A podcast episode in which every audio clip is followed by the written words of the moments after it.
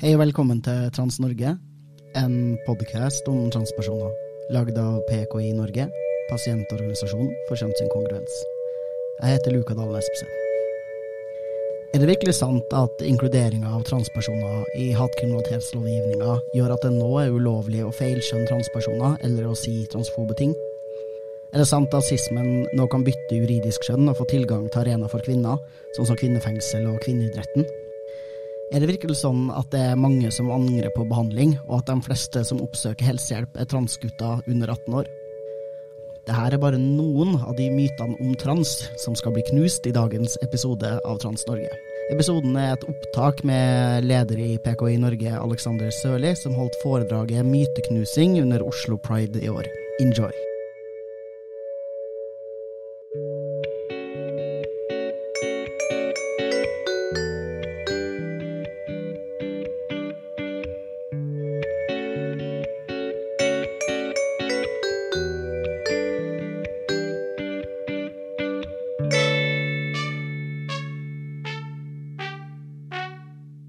Velkommen til Pride House. Det programpunktet vi skal høre nå, det er Trans myteknusing med PKI og Alexander Sørli. Vær så god.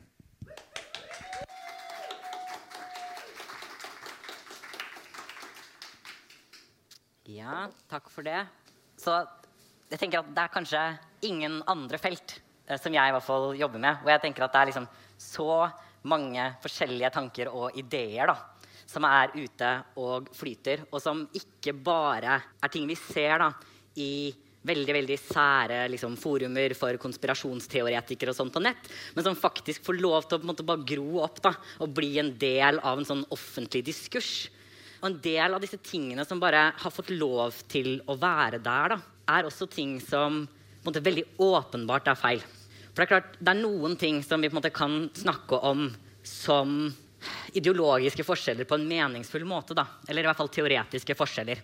Selvfølgelig, Du kan alltid ha en meningsfull diskusjon om hva måte, essensen av kjønn eller begreper som kjønn egentlig er. Men noen ting er på en måte litt mer faktabaserte. Da. De er ting som vi i større eller mindre grad måte, kan måle og finne tall på.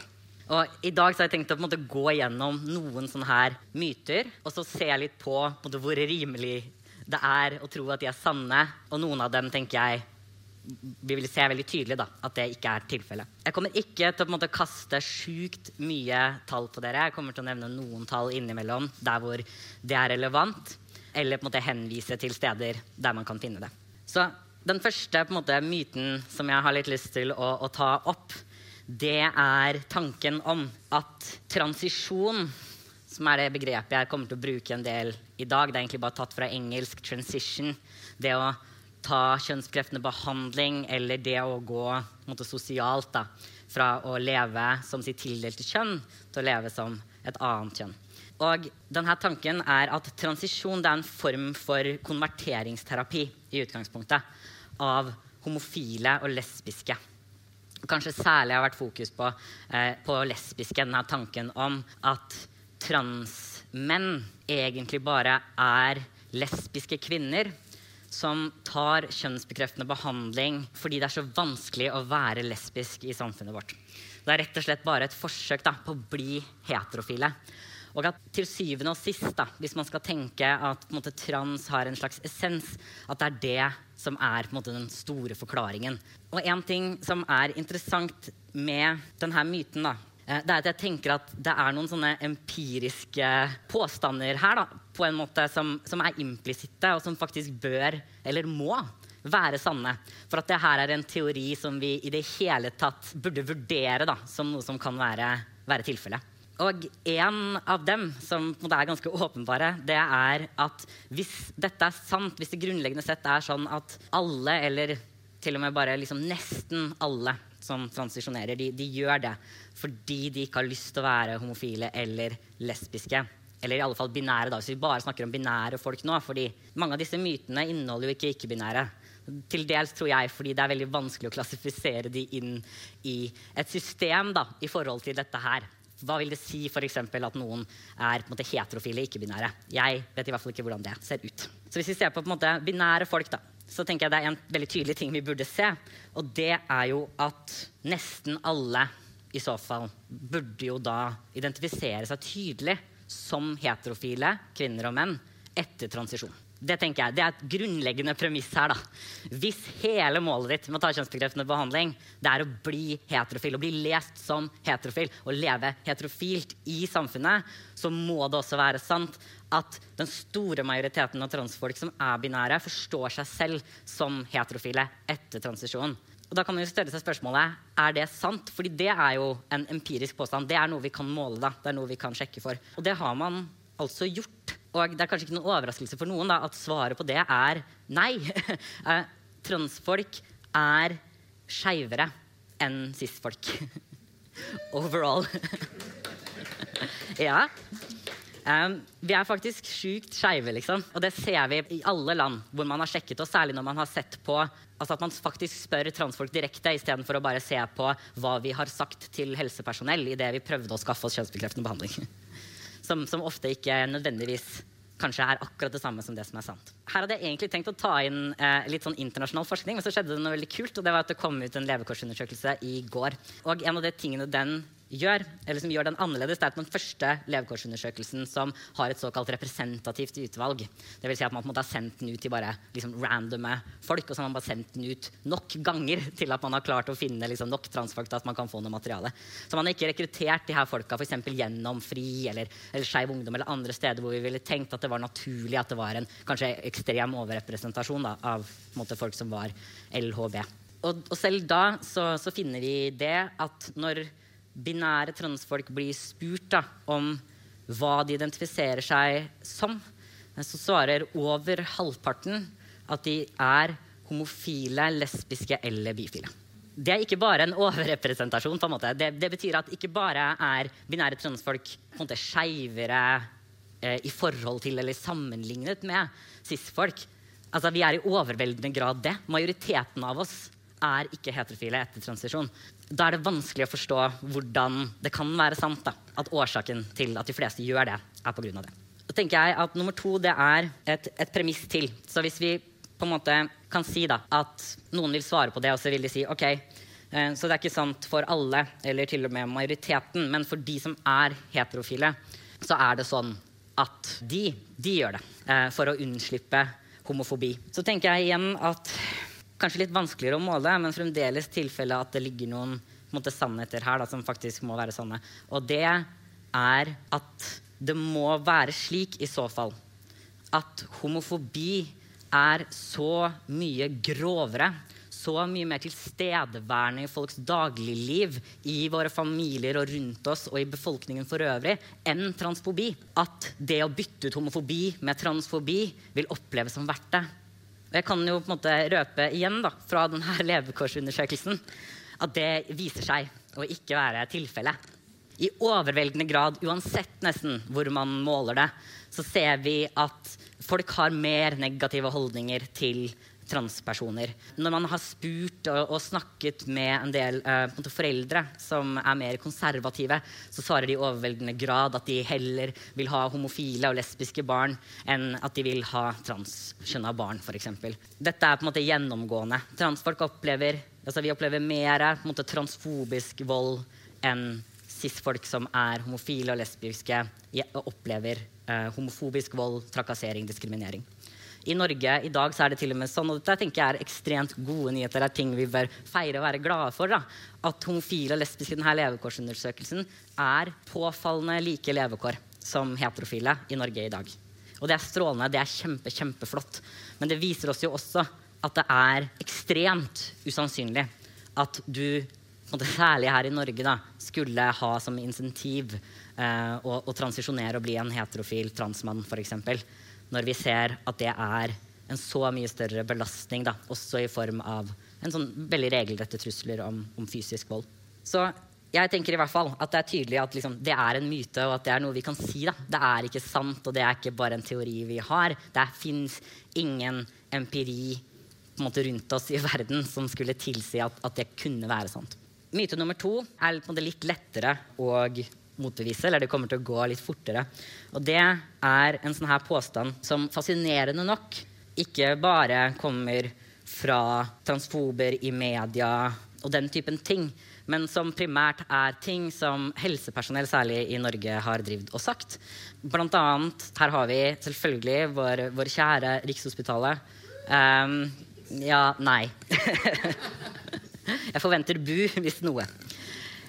Um, som har vært ute i media eh, gjentatte ganger siden rundt 2016 og kommet med en veldig spennende påstand. Og det er at de aller fleste som oppsøker helsevesenet for å få kjønnsbekreftende behandling, de er personer som ble tildelt kjønnet kvinne ved fødselen, og som er under 18 år. Og dette er ikke bare noe jeg sier, dette er veldig eksplisitte ting som de gjentar igjen og igjen.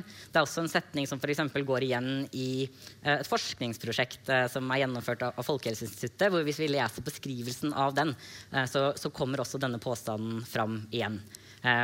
Eh, forskere i Folkehelseinstituttet har også måte, skrevet det bl.a. i sitt høringssvar til, til, de nye retningslinjene. Det tenker jeg er for så vidt bekymringsverdig. Så på en måte er det sant? Det er et kjempelett svar på det. Svaret på det er nei. Det er, altså, det er, åpenbart på ingen måte sannheten at det er tilfellet. Og den aller, aller enkleste måten å se, se på det, da, det er jo faktisk se på tallene til Rikshospitalet sjæl. De ligger ute.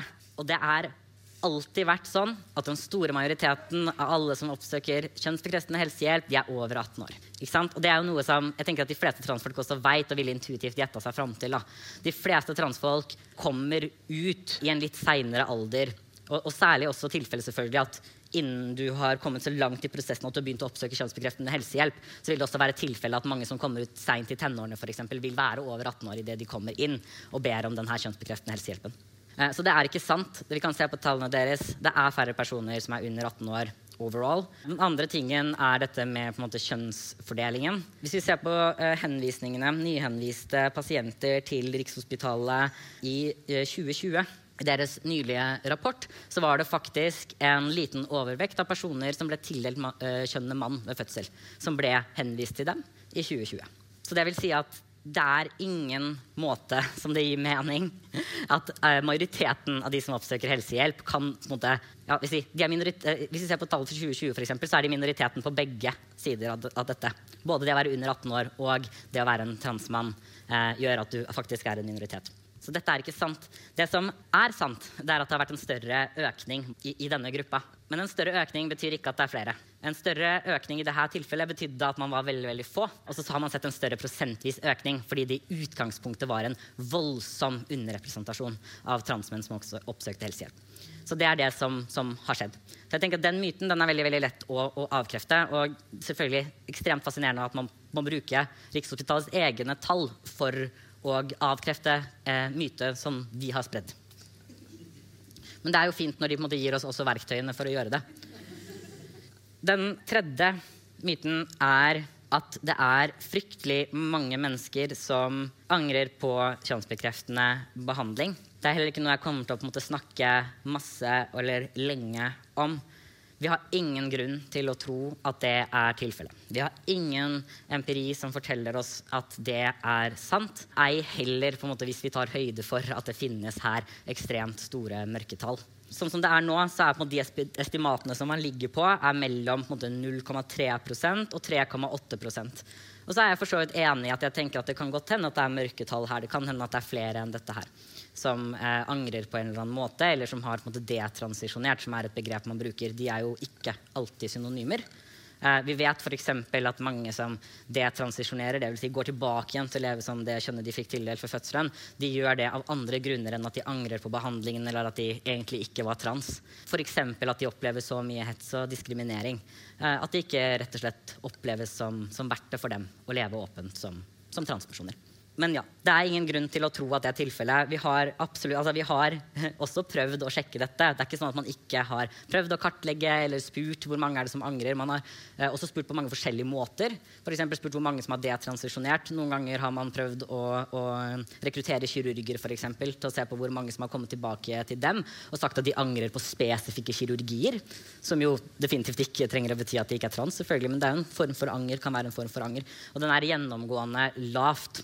Og for å dra på en måte, et liksom sammenligningsgrunnlag her, da, så er det sånn at de høyeste estimatene som vi har, har fått noensinne på, på, folk som angrer på kjønnsbekreftende behandling, er eh, fremdeles lavere enn noen av de aller laveste estimatene man har på folk som angrer på abort. Og da er det jo selvfølgelig spennende hvor, hvor, forskjellig vi behandler det her i Norge i forhold til selvbestemmelse. Så, så enkelt oppsummert, det er ikke sant. Eh, et lite spennende funn her også for så vidt, er at en, vi har bl.a. en studie på, fra eh, Sverige. Hvor de så på alle som hadde søkt om juridisk og medisinsk endring av kjønn over en periode på 50 år. Og der fant de en angringsrate på 2,2% Men det som også var spennende, var at de eh, fant at folk som angra på kjønnsbekreftende behandling, det hadde gått ned og ikke opp. Og selvfølgelig, mest sannsynlig så vil antallet, eh, hvis vi begynner å telle, har gått opp fordi antallet transfolk som har kommet ut av skapet, har gått opp. Sånn vil det alltid være. Jo flere som lever åpent, jo flere vil kunne detransisjonere. Men prosentandelen av dem i denne studien i hvert fall, synes å faktisk ha gått nedover. Det gir også mening for meg hvis vi tar høyde for at en del av de som detransisjonerer eller angrer, er transfolk som i utgangspunktet blir utsatt for mye transfobi. Da. Så det er altså ikke sant. Myte nummer fire. Da skal jeg gå tilbake igjen til, til Rikshospitalet. Og en spennende påstand som de ikke bare kom med før, men fremdeles fortsetter å komme med i litt diverse forskjellige medier nesten hver gang vil jeg si, de er ute og uttaler seg om dette, det er at det er en eksplosiv økning blant folk som oppsøker kjønnsbekreftende helsehjelp, og at den økningen, den er pågående. Hva jeg mener med det, det er at de har en påstand om at vi fremdeles nå er på et sted hvor vi ser en voldsom, eksplosiv økning. Det vil si at vi burde se en, en slags kurve da, som på en måte går oppover sånn. At vi hadde en slags sånn stabilt over tid. Og så har vi sett en sånn økning, og så fortsetter den og fortsetter den og fortsetter den oppover. Det som er spennende med det, er at det, det stemmer at det var en økning. Særlig en økning kanskje som begynner egentlig før det, men, men som kanskje blir liksom mest synlig eller aller liksom skarpest rundt 2014, 2015, 2016. Så her ser vi på en måte at det er noe som skjer. da. Det er mange, mange flere som oppsøker kjønnsbekreftende med helsehjelp. Men stemmer det at det på en måte fremdeles er tilfellet? Jeg skal la dere på en måte vurdere det sjøl. Igjen så skal jeg bruke liksom tallene til Rikshospitalet. De ligger ute. De er tilgjengelige. De er ikke alltid så lette å tolke. Men uh, hvis du måte, setter deg litt ned med det og prøver, så, så står det i årsrapportene deres hvor mange som henvises til dem. Skal vi se på den massive økningen som har skjedd nå de siste tre årene. da. Så I 2018 så var det til sammen 614 pasienter, nyhenviste pasienter til Rikshospitalet. Uh, og da er ikke inkludert interne henvisninger. Folk som går fra barneavdelingen til voksenavdelingen. Så 614 i 2018. Så i, i 2019 så, så, ser vi en voldsom økning fra 614 til 572. Jeg er ikke veldig god i matte. Men selv jeg da, føler meg trygg på at 500 er mindre enn 600. Så ser vi en økning fra 2019 til 2020 fra 572 til 566. Og igjen, jeg er ikke veldig god i matte, men jeg tror at 60 er mindre enn 70. Så den økningen da, den finnes ikke. Og det kommer selvfølgelig et punkt da, hvor vi må kunne si at liksom, vi lever i 2021. Hvor lenge skal vi kunne snakke om at vi står i en slags pågående økning?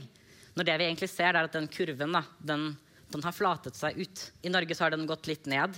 I, I, Sverige har den gått ganske mye ned.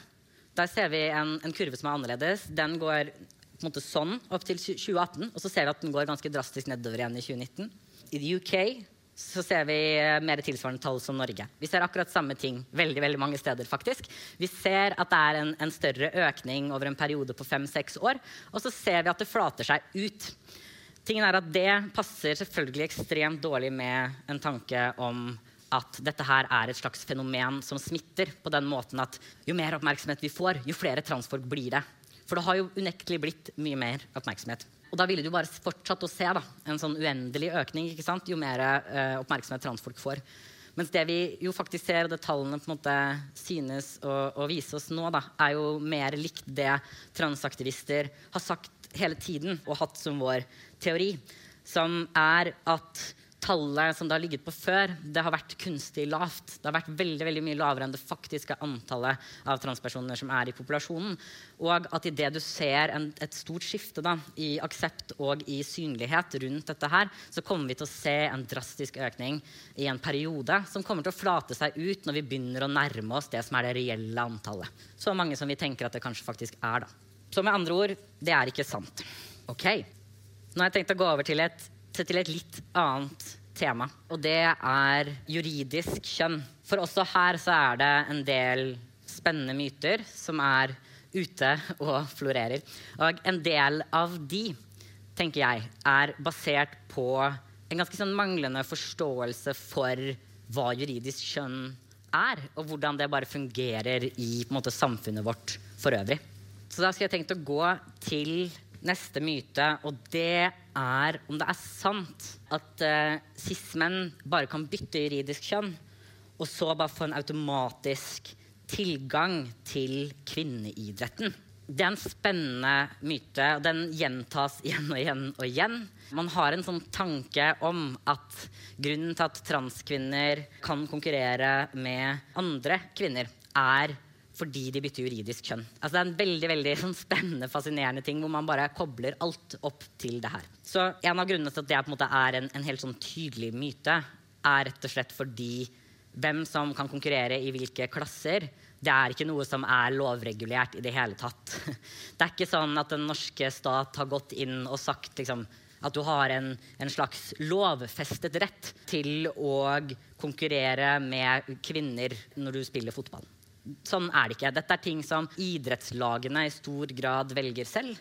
Hvem som skal konkurrere hvor, hva som er måte, regler som de skal ha eller ikke for sporten. Hva skal man gjøre for at det skal, skal være rettferdig, er en, måte, ikke noe som staten går inn og regulerer i det hele tatt. Men vi kan jo se på, måte, på praksis. Da er det sånn i praksis for f.eks. i Norge eller internasjonalt at tilgang til kvinneidrett er regulert basert på juridisk kjønn. Nei, det er det ikke.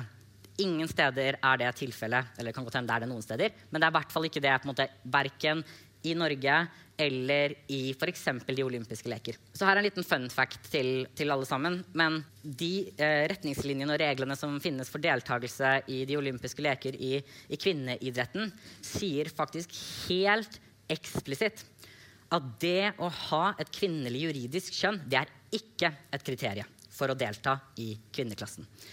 Og dette var et veldig bevisst valg som den olympiske komiteen gjorde når de valgte å eh, la transkvinner konkurrere i de olympiske leker, noe som for øvrig skjedde for over 15 år siden. Og vi har fremdeles, faktisk for første gang nå, den første åpne transkvinnen som har kommet inn i de olympiske leker. Det er veldig, veldig kult, i motsetning til alle de andre. Jeg heier i hvert fall veldig på Laurel. Men dette er altså den første transkvinnen som har eh, som faktisk har, har, kommet seg til de olympiske leker tross i at det, det, har vært mulig å konkurrere i nesten 15 år. Så det har tatt litt tid i hvert fall, for transkvinner å ødelegge hele kvinneidretten. Så årsaken til at man valgte da, eh, når man lagde disse reglene, at det ikke skulle være et kriterium med juridisk kjønn, det er ganske enkelt. Det handler om at masse transkvinner bor i land hvor de ikke har en mulighet til å bytte juridisk kjønn. Det kan vi her i Norge. Mange steder så kan man ikke det. Den olympiske komiteen innså, i likhet med kanskje mange av oss, at juridisk kjønn har ingenting med dine kroppslige måte, hvor, hvor, rettferdig eller urettferdig det er at du konkurrerer. Sånn at Juridisk kjønn har absolutt ingenting å gjøre med dette.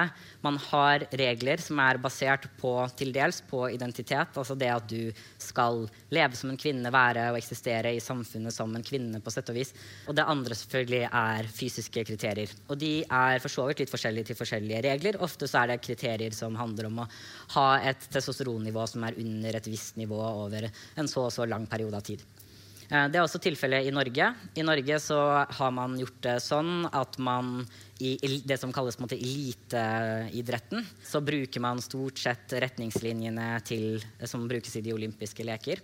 Eh, I den såkalte breddeidretten, dvs. Si på skoler og den typen ting, så har man lagt seg på en, en, linje der man konkurrerer i utgangspunktet med det kjønnet som man lever som til enhver tid. Som er en veldig veldig fin regel. Og ofte så har også Idrettsforbundet vært en utrolig god støttespiller, kan jeg si, til oss i transbevegelsen. Nesten alltid. Overraskende nok. Sånn er det ikke veldig mange land. Vi har eh, gjennomgående opplevd som en veldig veldig eh, god støttespiller som har brukt ganske mye tid og energi på å tilrettelegge og gå inn i veldig spesifikke saker også, for å prøve å gjøre det rettferdig. Så med andre ord, det er ikke sant. Eh, juridisk kjønn har faktisk så å si ingenting med din tilgang til kvinneidrett uh, å gjøre. Et neste spørsmål er også om juridisk kjønn. Og det handler om hvorvidt cis-menn kan bytte juridisk kjønn og få tilgang til kvinnefengsler. Så det er en samtale som jeg er lei av, da. Så hvordan er dette i Norge? Dette er veldig, veldig spennende, fordi denne myten om kvinnefengsler dette her snakkes faktisk ikke så veldig mye om i Norge, egentlig. Det er noen som tar det opp. Du ser det definitivt. Men det som er veldig, veldig spennende med denne myten, det er at uh, den, den, har uh, fått ganske mye fotfeste i andre land. Og med andre land så mener jeg at andre land har vært opptatt av at vi i Norge har en lovgivning som gjør at menn bare kan bytte kjønn. Og så kan de få lov til å være i kvinnefengsler. Det har vært uh, flere artikler, særlig i Storbritannia, som har handlet om den veldig veldig skumle Norwegian Self-ID Law. Eh, som er da lov om endring av juridisk kjønn, som gjør at man ikke lenger trenger å eh, kirurgisk kastrere seg for å bytte juridisk kjønn. Så da er jo spørsmålet da om det er tilfellet.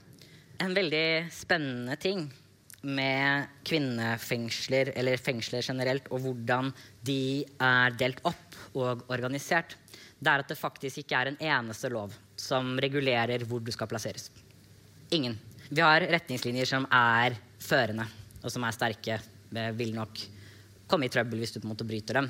Men i utgangspunktet så, så har ikke engang cis-kvinner en lovfesta rett til å sone i kvinnefengsler i Norge. Dette er egentlig ikke så veldig rart, fordi dette er en ting da, med juridisk kjønn i Norge. Og det er at det er veldig, veldig, veldig få ting som reguleres i Norge etter juridisk kjønn. Det er f.eks. ikke sånn at garderober noensinne har vært inndelt etter juridisk kjønn. Du har ikke noe mer rett på å være i en eller annen garderobe etter at du bytta juridisk kjønn. Det har ingenting å si. Stort sett ikke regulert i det hele tatt i henhold til lov. Masse av dette her er bare sedvane. Der det oppleves passende at du er. Det som har vært mest på en måte viktig for uh, transfolks tilgang til en hel masse rom, det var vår inkludering i en likestillingslovgivning som kom før endring av juridisk kjønn, som tilsier da, at transfolk ikke skal diskrimineres på bakgrunn av vår kjønnsidentitet. Som igjen ikke har noen ting å gjøre med juridisk kjønn. Det spiller ingen rolle. Du har i utgangspunktet måte samme rett til eventuelle kvinnerom, da, og ikke bli diskriminert fra eventuelle kvinnerom eller mannsrom, uavhengig av om du har bytta juridisk kjønn eller ikke i Norge. Fordi loven vår tilsier at det du ikke skal diskrimineres på bakgrunn av, er din kjønnsidentitet og ditt kjønnsuttrykk, og ikke ditt måte, juridiske kjønn. For å komme tilbake igjen til, til, disse fengslene og hvordan dette faktisk er å reguleres i Norge. Dette er en annen spennende ting. Igjen, vi har jo eh, en del liksom, empiriske ting som bare Så det er sant eller ikke sant. Vi har offentlige retningslinjer for soning av transpersoner i Norge. De kan du lese. Du kan gå inn og lese dem. Så det her er ikke liksom skjult hidden knowledge. Hvis man var veldig veldig opptatt av dette temaet, så, så hadde man funnet det. Det er ikke veldig, veldig vanskelig å finne. Jeg har tenkt å måtte, prøve å, å, lese hva som faktisk står der. For det som er spennende, er at det man har i utgangspunktet lagt til grunn, det er at man som hovedregel skal prøve å plassere folk etter juridisk kjønn. Men de gjør et unntak til den regelen, og den er veldig tydelig. Da kan vi lese. I de tilfeller hvor siktede slash domfelte har endret juridisk kjønn, kan det gjøres unntak fra hovedregelen dersom det kan være fare for dennes eller øvrige innsattes sikkerhet, eller en slik plassering fremstår som åpenbart uheldig. Dersom innsattes kjønnsidentitet og eller kjønnsuttrykk ikke samsvarer med juridisk kjønn, kan det etter individuell helhetsvurdering gjøres unntak fra hovedregelen. Tilsvarende gjelder ved overføring til et annet fengsel. Jeg vet ikke med dere, men, men jeg syns det er ganske tydelig hva som står der. Det er ikke sant at du kan bytte juridisk kjønn eh, og så plasseres i et kvinnefengsel. Og den er også ganske tydelig på at du kan ha et mannlig juridisk kjønn og sone i et kvinnefengsel også. Og du kan ha et uh, juridisk kjønn som er kvinnelig, og sone i et mannsfengsel i Norge. Det som er spennende med denne regelen, er at den gjør to unntak. Det ene unntaket er for de som har bytta juridisk kjønn. Og hvor det som dere ser, er på en måte et sikkerhetsproblem, eller der hvor um, det er såkalt åpenbart uheldig. Den gjør også en unntak til Eh, det andre unntaket det er de som ikke har bytta juridisk kjønn, men som har et utseende eller en kjønnsidentitet som virkelig ikke samsvarer med deres juridiske kjønn likevel. Og For å oppsummere det, eller forklare hva det betyr, så betyr det f.eks. at hvis jeg da, som en transmann ikke hadde giddet å bytte juridisk kjønn, og jeg ble tatt og jeg skulle sone, så sier altså den loven her at selv om jeg ble tildelt et kvinnelig juridisk kjønn ved fødselen, og jeg ikke har endra det kjønnet, så kan de fremdeles gjøre en vurdering og si det der, det er en kis, liksom. Han skal ikke sone med damene. Det er åpenbart uheldig, som de sier. På mange måter så, så, er også dette en retningslinje som jeg i utgangspunktet tenker at er ganske sånn ideell i teorien. Vi ser at den ikke er det i praksis. Det soner transkvinner i mannsfengsler i Norge som absolutt ikke burde være der. I praksis så Eh, er det definitivt ikke sånn at det er fryktelig lett å zone eh, for transkvinner å sone i kvinnefengsler i, i, Norge. Heller tvert om. Det er vanskelig, for vanskelig, vil jeg påstå, og vil mange påstå. Men i teorien så er dette veldig gode retningslinjer. Og jeg tenker er definitivt også de retningslinjene vi ønsker oss. For dette er jo en annen myte. Og den myten er at transbevegelsen er veldig opptatt av og ønsker at alt skal reguleres etter juridisk kjønn. Men som vi også nevnte tidligere med Den olympiske komité, som hadde forstått at for eksempel, det er fryktelig diskriminerende dersom vi går bare etter juridisk kjønn, fordi ikke alle har den muligheten, for eksempel, så er det ofte ekstremt ugunstig også for transfolk dersom det inndeles strengt sånn. Og det gjelder for så vidt også da, i land sånn som Norge, hvor du ganske enkelt kan endre juridisk kjønn. Det kan for ta et annet, en, en, en annet eksempel da, på noen som man kanskje definitivt ikke da, hadde hatt lyst til å plassere i et eh, mannsfengsel, eller skulle sone i et mannsfengsel. Du kan f.eks. se for deg noen som er eh, veldig veldig tidlig i sin transition, som er ikke-binære, som ble tildelt et kvinnelig kjønn ved fødselen, i utgangspunktet har et ganske feminint uttrykk, ikke har tatt noe kjønnsbekreftende behandling. Eh, men de har bytta juridisk kjønn til mann, kanskje for å representere en form for dualitet da, i det juridiske kjønnet sitt, gitt at du ikke kan bytte til et tredje juridisk kjønn. For det er det noen som, som velger å gjøre. Dersom den personen da, automatisk hadde blitt plassert i et mannsfengsel, så er det noe som kunne vært kanskje åpenbart uheldig og veldig veldig farlig for vedkommende også. Sånn at det, det er si, både en myte at du kan endre juridisk kjønn for altså komme til det fengselet du på en måte ønsker deg, og bare bytte juridisk kjønn. Men det er jeg tenker også grunnleggende sett en myte at transbevegelsen noensinne har pusha for at juridisk skjønn skal være det som bestemmer da, hvilke rom du skal ha tilgang til. Det transbevegelsen alltid har ønsket seg og alltid har krevd, er jo at folk skal ha tilgang til de rommene der de kan være trygge da, og, og føle tilhørighet. Altså, på mange måter at det er vi som er pragmatiske, tenker jeg. Det er vi som ønsker de praktiske løsningene som funker for alle. Der hvor vi kan se at alle kan være trygge, da, eller være mest mulig trygge. Og veldig ofte for transfolk så kan det også bety at vi mener, i hvert fall som jeg mener, og det er at transfolk må bruke de rommene som de opplever som tryggest for dem til enhver tid. Vi er en veldig eh, voldsutsatt minoritet. Det betyr at noen ganger så kan det være riktig for oss å bruke f.eks. rom som er for det vårt tildelte kjønn, selv om det blir feilkjønnene for oss for å gjøre oss trygge. I andre settinger så er det tryggere for oss å være i rom som matcher den kjønnsidentiteten vi har. Og for noen av oss selvfølgelig, som er ikke-binære, eh, så vil man alltid måtte velge én av to rom som uansett ikke vil passe. Og da er det på en måte helt essensielt at det er de som føler på kroppen og hele tiden er vant til å se de farene, selv kan velge hvor de skal være. Så det er, tenker jeg, også en myte. Så har vi en til. Og denne igjen har ikke vært populær egentlig i Norge. Men det er noe jeg har sett folk snakke om i henhold til igjen The Norwegian Self ID Law. Dog jeg har også sett folk snakke om det i Norge, men ikke like mye. Og det er at man så en økning i antallet kvinner som ble anmeldt for voldtekt i 2016.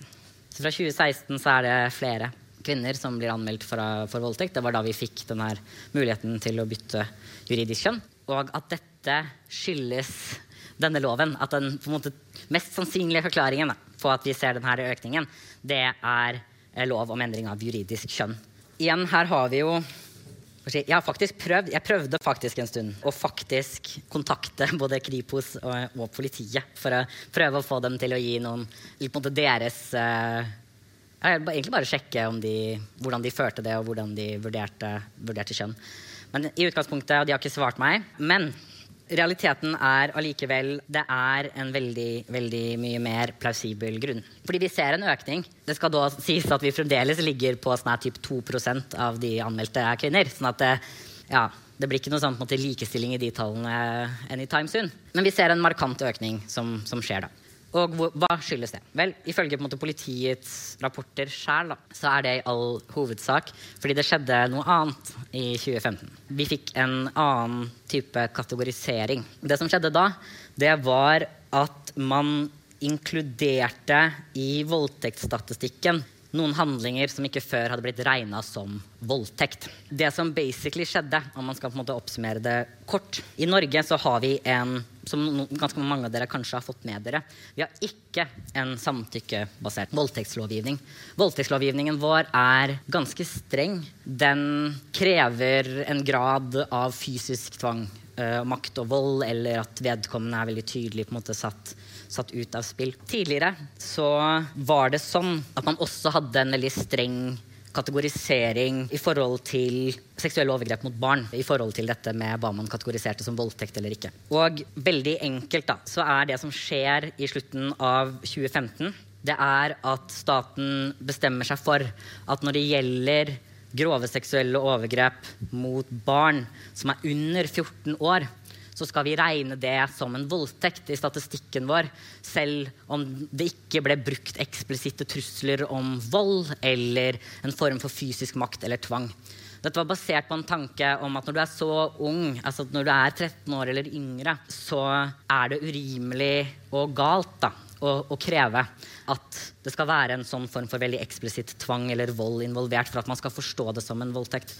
Det som skjer når vi ser på tallene for kvinner som er anmeldt, det er at de veldig veldig ofte kommer i nettopp denne kategorien når det gjelder overgrepsproblematikk. Og det gir mening, tenker jeg, når man tenker litt på det. Den typen måte, overgrep som kvinner begår, i større grad måte, har ikke de samme pregene av vold, av fysisk makt eller tvangsbruk når de på en måte forgriper seg på yngre barn. Og det er det også politiet er ekstremt tydelige på.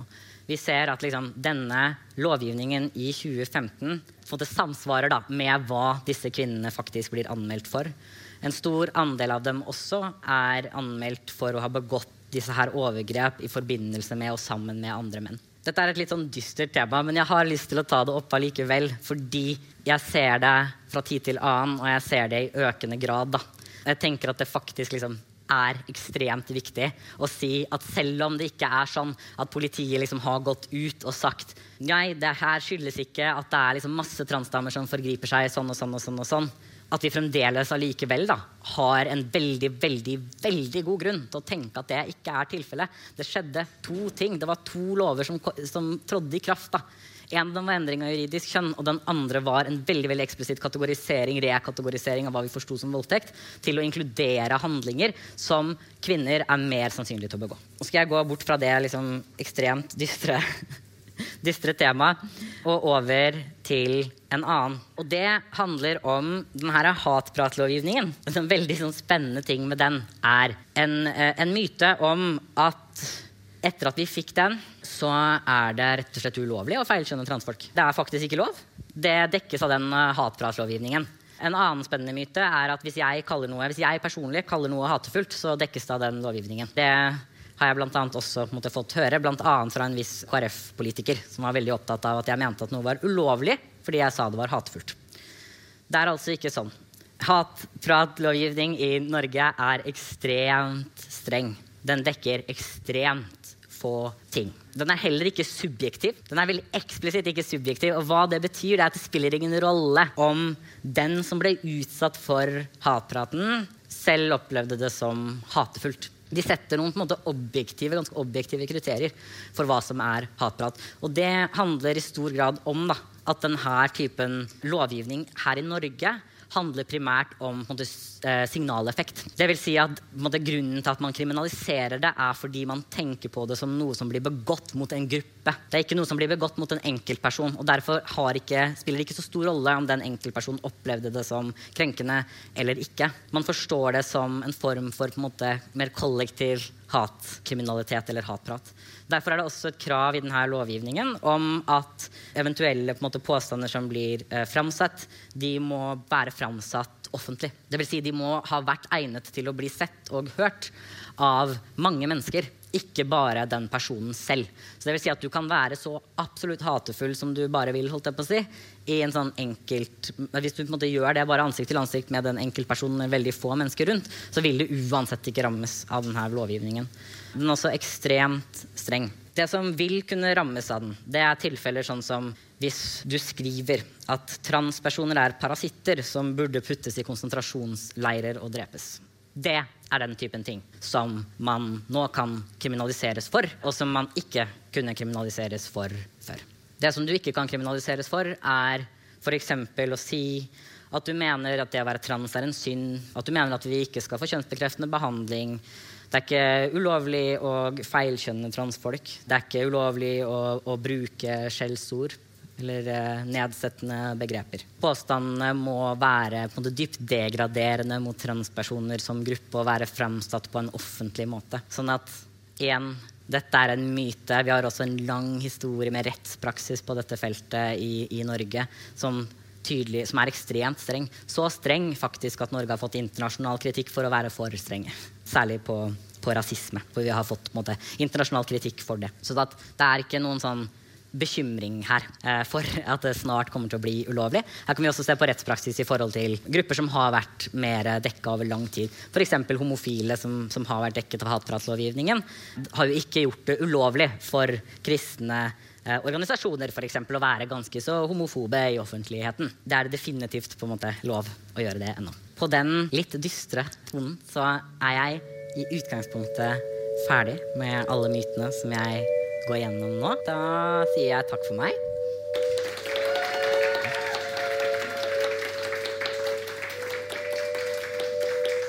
Takk. Tusen takk, Alexander og PKI. Var ikke det deilig? Tusen takk for at du hørte på Trans-Norge i dag. Jeg heter Luka Dalen Espeseth. Takk til Martin Skjold for den nydelige Trans-Norge-musikken. Takk til Martin Westervold Hansen for den grafiske profilen til podkasten. Trans-Norge kan du høre der podkastene bor. Bre ordene på den hvis du liker den, og rate oss gjerne i podkast-appen din.